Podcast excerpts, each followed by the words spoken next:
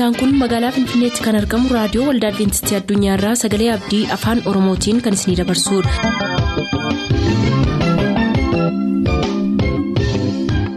harka fuuni akkam jirtu kabajamtoota dhaggeeffattoota keenyaa nagaa fayyaanne waaqayyo bakka jirtan maratti isiniif haa baay'atu jechaa sagantaan nuti har'aaf qabannee isiniif dhiyaannu sagantaa maatiif sagalee waaqayyoo ta'a gara sagantaa maatiitti haa dabarru.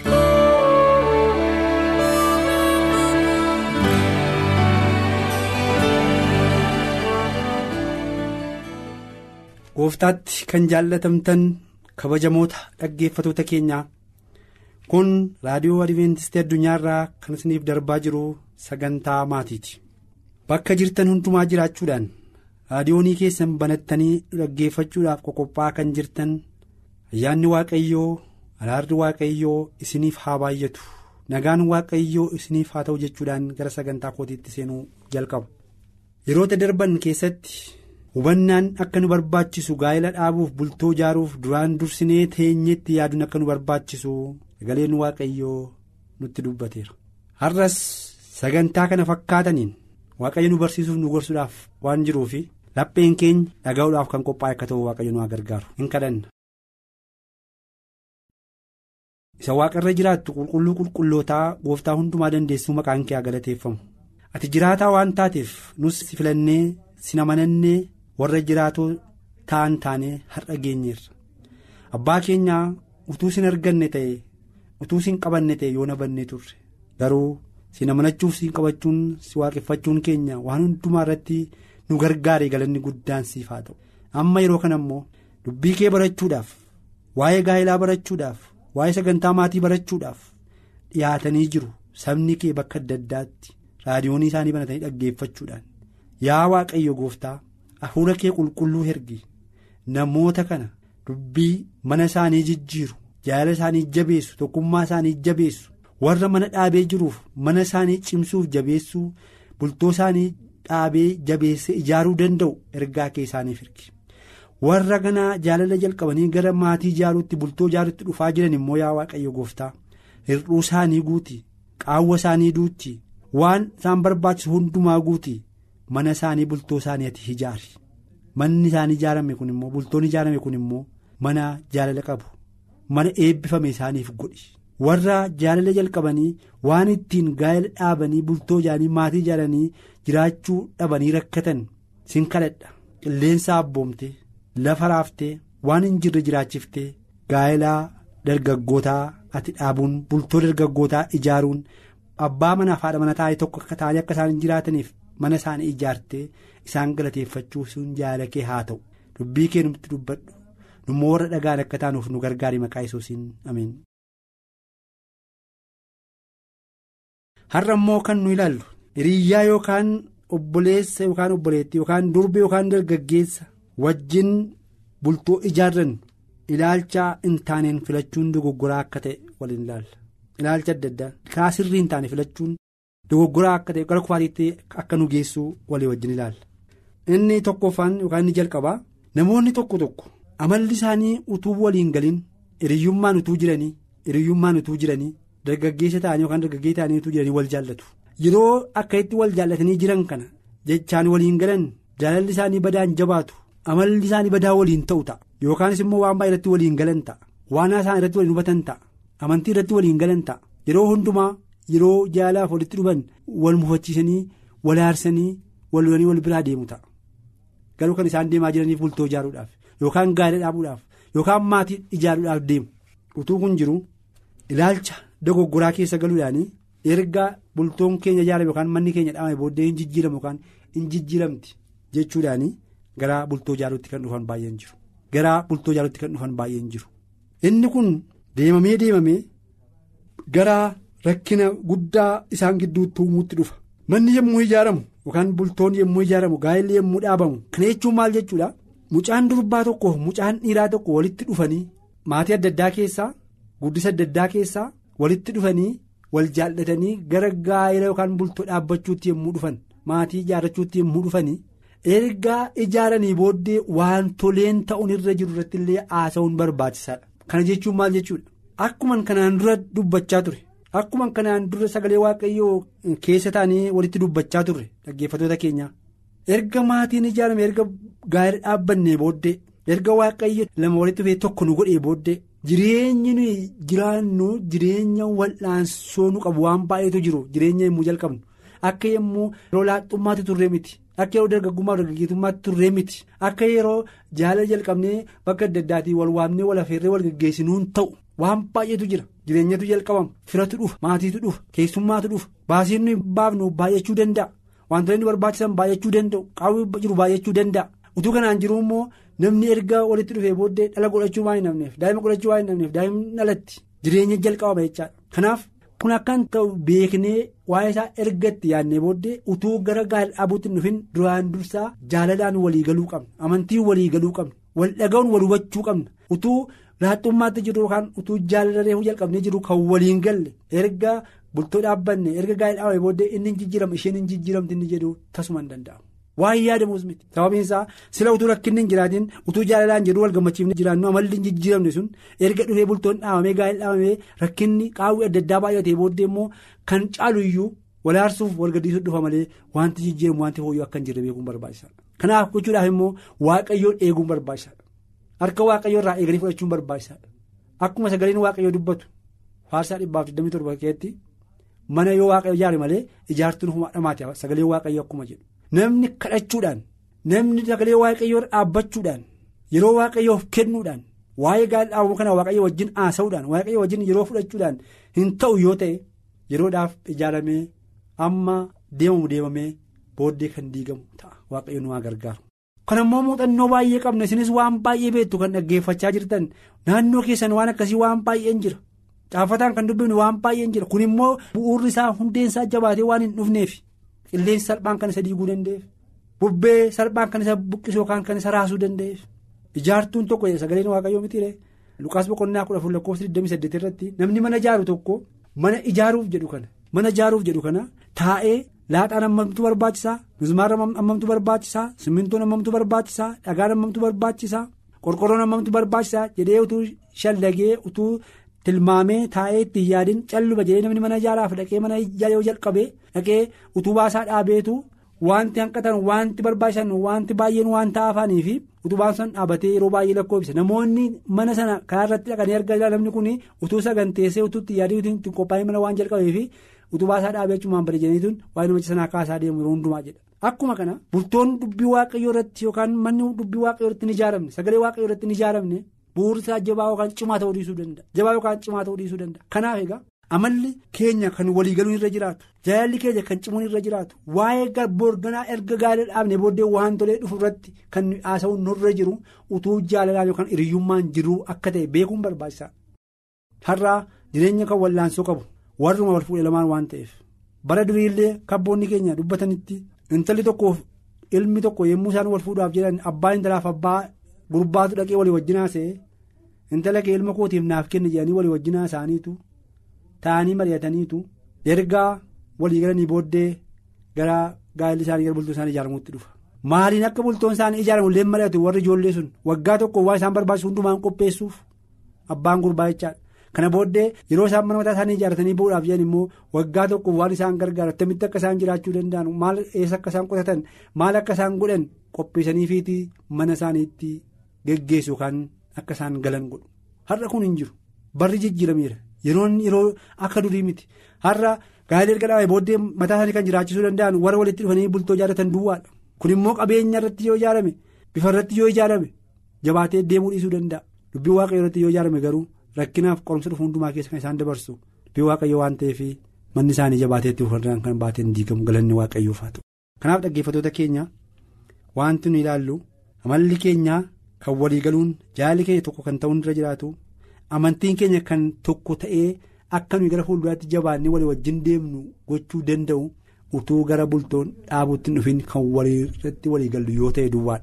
Kan irratti wal hubannu yoo ta'e duwwaarraan kan baate erga ijaarrannee erga bultoo dhaabbannee inni jijjiiramaa isheen hin jijjiiramtu inni jedhu rakkina waan fiduufi kanarraa of eeggachuudhaan gara bultoo yookaan maatii ijaarrachuutti dhufuun gaarii akka ta'edha. Sagalee waaqayyoo kan nu gorsu kanaaf kana hundumaa irratti akka yaadnuuf akka hubannoo qabaannuuf waaqayyo nu gargaaru yeroo biraa deebinee wal agarraa amma sanatti nagaan tura. Waaqayyo sana eebbisa.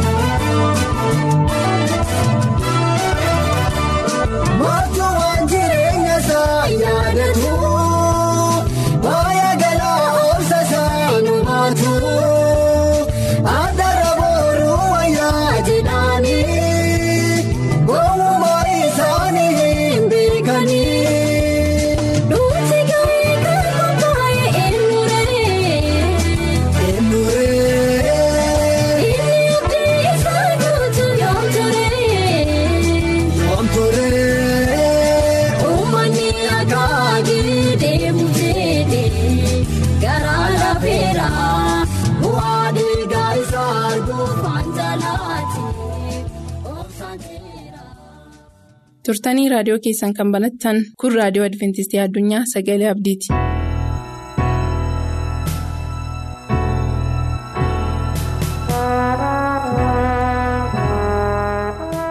Dhaggeeffattoota keenyaa akkam jirtu? Bakka bakka jirtanitti ayyaanni waaqayyoo faraarri waaqayyoo isiniif baay'atu jaalala waaqayyoo fedha waaqayyoo ta'ee jennaan?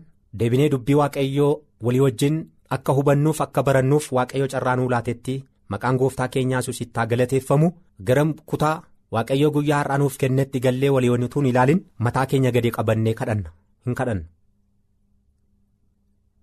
si galateeffannee qulqulluu abbaa keenyaa jireenya nuu laatteef. keessumaa immoo dubbii kee dhaga'uudhaa fi foon keenyaaf lubbuun keenya wal keessa jiraatee etonoo biyya lafaa kana keessaan godaanin dubbiin kee qulqulluun nu qaqqabee isa dhageenya ittiin akka fayyinu carraa nu laatteef bara baraan eebbifame abbaa gooftaa keenyaa si fuuldura jirra sagaleen kee nutti dubbata yeroo kana hafuurri qulqulluun immoo isa dhageenye kanaan akka jiraannuuf nu jajjabeessa araarri kee yeroo kana tokko tokko keenyaaf ta'ee dubbii kee akka dhageenyu ayyaana keetiin nu baay'isi. cubbuu keenya nu dhiiftee nu qulleessitee mootummaa keef nama gaanu godhi maqaa gooftaa keenyaa Yesuusiin ameen. dhaggeeffatoota keenyaa yeroo darbee mata duree waaqni koo waaqa keeti kan jedhu macaafa ruut boqonnaa tokko keessatti kan barreeffame waliin ilaallee beellama waliif qabnee adda baanee turre. Isuma kana jalatti macaafa ruut boqonnaa tokko lakkoobsa kudha tokkorraa naa'omiin garuu deebi'aa malee ijoollee ko. Maaliif ana wajjin dhaqxu. ani ilmaan si'achi abbaa manaa isiniif ta'u garaa koo keessaa qabaariyanii ani heerumuudhaaf baay'ee dulloomeera yaa ijoollee koo deebi'a. Karaa keessan dhaqaa. Ani abdii qaba jedhe. Edana heerumee utuun ilmaan da'eeyyuu kanaaf amma isaan guddatanitti guddatanii immoo hamma ga'anitti eeguudhaaf jirtuure kanaafis jettanii heerumarraa of hin dhowwinaa lakkisaa yaa ijoollee koo wanta harka waaqayyoo keessaa anatti dhufeen isin akkasitti taa'uun. keessanii keessumaa baay'ee anatti hadhaa'eera jettenis kana irrattis ammas sagalee isaanii guddisanii walitti bu'anii horphaan amaatii isheetiin dhudhungattee nagaatti itti dhaamte ruut garuu sibiraa ani nafu jettee isheenis mararamte. Naahoomiin kan isheen jettu haadha manaa ijoollee isheetiin horphaaf ruutiin amma isin ana biraa deebi'a isin fuudhee adeemuu hin danda'u. Isa sibiraa nafu naan jettan dhiisaatii karaa keessan naqa. Ani ammas ijoolleen koo abbaa manaa isiniif ta'anii bakka isin bulchaa turanitti yeroo isin geggeessaa turanitti rakkina natti dhufeen isaan boqotanii du'aniiru lafa kanarraas godaananiiru. Isin lubbuutti jirtu isin amma fayyaatti jirtu ani si'achi ijoollee isiniif da'ee isaan immoo amma isaan guddatanitti yeroon koo sababa sokkeef ani sababan dulloomeef yoom akkan du'u hin beeku kanaaf ammatuun eerumee ijoollee godhadheeyyuu amma isaan guddatanitti isin. eeguun baay'ee sababa cimuufi amma isin carraa argattanitti fayyadama. Yoo nama argattan eerumtanii mana keessan qabachuuf geggeessuutti booddeen deebina. Ani yeroo koon beeku. Amma jireenya nama itti jiraadhu kun natti hadhaa'eera rakkinaan irra ga'e kanaan abbaa manaa koos dhabee ijoollee koos dhabee isinis ammas akkanatti jirtu anis akkanattan jira. Kanaaf isin yaa ijoollee ko carraa argattanitti fayyadamtanii eerumuu hin dandeessu. Yeroo keessanitti akka fayyadamtaniif anan isin gorsa. eessa dhattu na duuka? Isin fuudhee adeemuu hin danda'u ittiin jette. Ammas immoo sagalee ishee ol fudhattee horphaan hin boosse jedha hin mararamtee boosse sagalee ishee ol fudhatteedha lakkoobsa kudha shaniirraa naa'omiin yommus ruutiin ilaa gabaattee kee gara saba isheetiitti gara waaqayyoo isheetiitti deebiteetti ati isa gabaattee kee duukaa bu'i jettenis ruut garuu si duukaa dhaquu dhiisee akka hin deebi'uu fi cimsitee ati itti nanoofin lafti ati dhaqxus ani nan naqa. lafta ati jirtus immoo anis nan jiraadha. Lafa ati jiraattus nan jiraadha. Sabni kee saba koo ni ta'a. Waaqayyoon keessi waaqayyo koo ni ta'a ittiin jette. Amma naa'omiin haadha manaa ijoollee isheetii kan kiliyoomii miliyoonii kana yeroo dirqisiisaa jirtutti na biraa deebi'uuti isin irra jira. Ani gara biyya kootiittan deebi'a. Biyyi mo'aab immoo biyya keessanii. Sabni biyya mo'aab keessa jiru saba keessanii waan ta'eef. ammaa na biraa deebi'uuti isin irra jira jettee yeroo isaan dirqisiiftetti horphaan amaatii ishee dhudhungattee nagaa itti dhaamtee biraa deebite. Eessatti deebiti? Gara biyya mo'aabii gara saba isheetitti deebiti. Ruut garuu maaliif cimsitee ana ooftaa akkas akkan godhuufi? Amma yaa ruutatis agabaatteen kee deebiteetti gara biyya isheetitti atis ishee biraa hin hafin ishee duukaa adeemi ishee biraa maaliif hafta? Ishee wajjin adeemi ittiin jettee dirqisiifte. Kanaa booddee ruuti amaatii isheetiin maal jetti? Ani gonkumaa si biraa deebi'uu hin danda'u ani si biraa hafuu hin danda'u. Sabii ati saba kooti jettee waamtu anaafis sabuma kooti. Kan waaqayyo keetis waaquma kooti sababa ta'eef akkan si biraa deebi'uu fi cimsitee ana hin dirqisiisin. Arraawwadhee si biraa deebi'uu hin danda'u ittiin jette kanaaf horphaan hagaba maatii ishee biraa deebitee hagabaattee ishees gadhiiftee adeemteetti ruut garuu naahomiin raawwadheen si biraa deebi'uu hin danda'u. Gonkumaa ta'uu hin danda'u ittiin jette. Kanaaf isaan lamaan hamma beetalamitti ga'anitti itti fufanii ni adeemani. Yeroo isaan beetalamiin ga'anittis mandaraa guutuun sababii isaaniitiif hin socho'e hin raafame. Kunoo naahomiin kun naahomiidha naahomiin jechuun immoo faaratoleetti jechuudha isheedhaan jedhani dubartoonni biyya sanaa yaa'anii isheenis immoo naahomiin jettanii ana waamina. Inni hundumaa danda'u jireenya koo keessaa ba'ee akka anatti hadhaa'u waan godhameefi hundumti keessanii har'a naahomii jettanii na waamina. Ani harka guutuudhaan nan ba'e waaqayyo immoo harka duwwaa deebisee na fide. Ergaa waaqayyo ana harkatti qabee inni hundumaa danda'us waan amma anatti fide kana.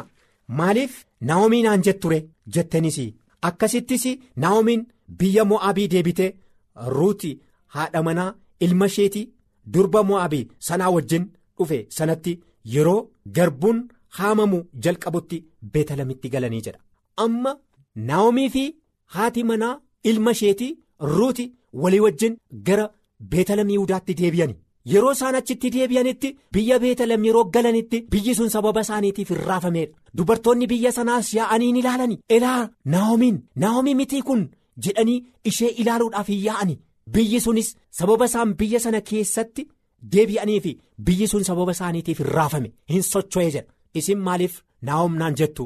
Naahom jechuun immoo hiikkaansaa faaratoleettii jechuudha akka hiikkaa kanaatti. Kanaaf har'aa kaatanii naahomii naan hin jedhina waaqayyo biyya kanaa na baasee harka guutuudhaan biyya kanaa ba'e harka duwwaan deebi'ee biyya kootti galee. Jireenyi koo natti hadhaa'eera ittiin jedhe. Namoota iddoo sanaatiin maaliif kan biyya sanaa ishee baase duratti iyyuu beela sababa ta'eef amma kutaa biyya isheetitti yeroo isheen deebitetti biyyi sun yeroo ishee simachuudhaaf ba'e gammachuun naahom biyya sanatti deebi'uun dubartoota biyya sanaa garaa isaanii hin moogesse hin gammadani gammachuurraan kan ka'es biyyi sun hin raafame. Isheen garuu baay'ee gadditeetti. Gaddaan sababa qabamteef abbaa manaa ishees biyya hormaatti yookiin biyya mo'aabitti dhabdeetti ijoollee ishee lamaan dhiirota biyya mo'aabii dubartoota fuudhanii biyya sana keessatti du'an du'aan dhabdeetti amma garuu kan ishee wajjin deebi'e. Haadha manaa ilma isheetii ruut kan ta'e qofaa wajjin deebite. Naa'omiin lammii abbaa manaa isheetii kan ta'an tokko qabdi turte. Inni immoo qomoo oleemilee keessaa mana guddaa fi jabaa tokko ture. Maqaansaas bu'aas jedhama ture. Gaaf tokko ruut isheen biyya mo'aabii naa'omiidhaan ka'een lafa maasii jiru dhaqa. Abbaan maasii sun faara natti tolee yoo jiraate isa biraa qarmii bu'adha jette amaatiin ishees dhaqi intala koo jettenis ruuti kana irrattis baatee gara maasii tokkoo dhaqxe. Warra midhaan haamanii midhaan walitti qaban bira qarmii bu'atte. Akkuma ayyaana isheetti himoo maasiin suni hirmaata bu'aazi isa qomoo elemeelekii sanaa ta'e argame. Naa'omeef ruutu gara biyya beetalamitti yeroo deebi'anii yeroon isaammoo akka carraa isaanii ta'e yeroo itti midhaanni sassaabamu yeroo qamadiinii fi garbuun itti sassaabamu ture. Amma garuu biyya isaanii ga'anii dhaqeen qarmii bu'adha jettee yeroo amaatii isheetiin mari'atte. Dhaqi abbaan maasii kana lammii abbaa manaa kootiiti innis bu'aas jedhama. Inni nama gaariidha. Dhaqi ittiin jettee abboomte isheenis hin dhaqxe. Kanaaf iyyuu dhaqxee maal akka goote kutaa hafee yeroo ittaanu laallaa isa dhageenya waaqayyoon nuuf haa eebbisu itti akka jiraannuuf inni nu gargaaru ulfina maqaa isaatiin ameen.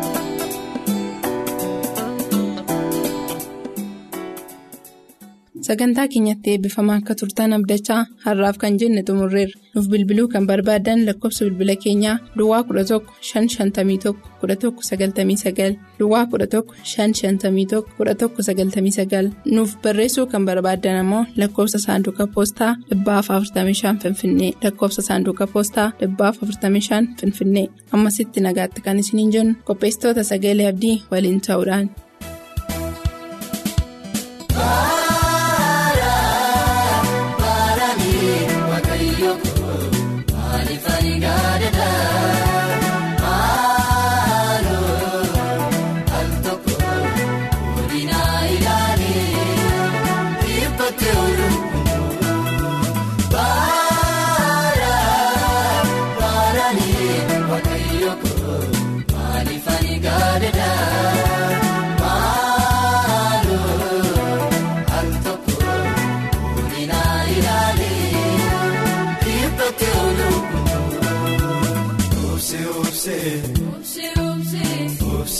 Obsee obsee obsee toora kookoo dadhabeera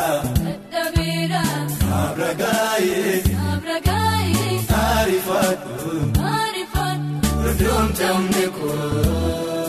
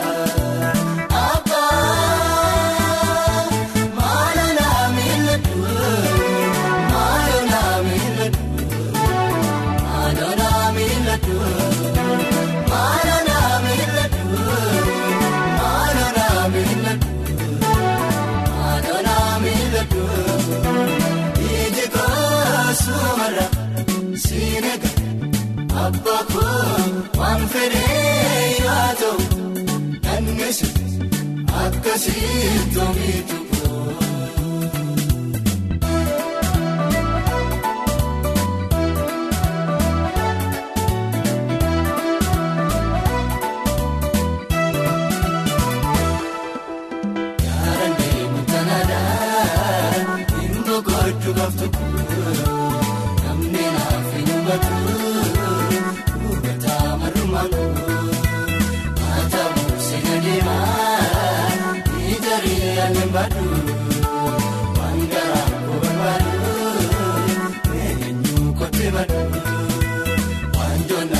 Arrasitti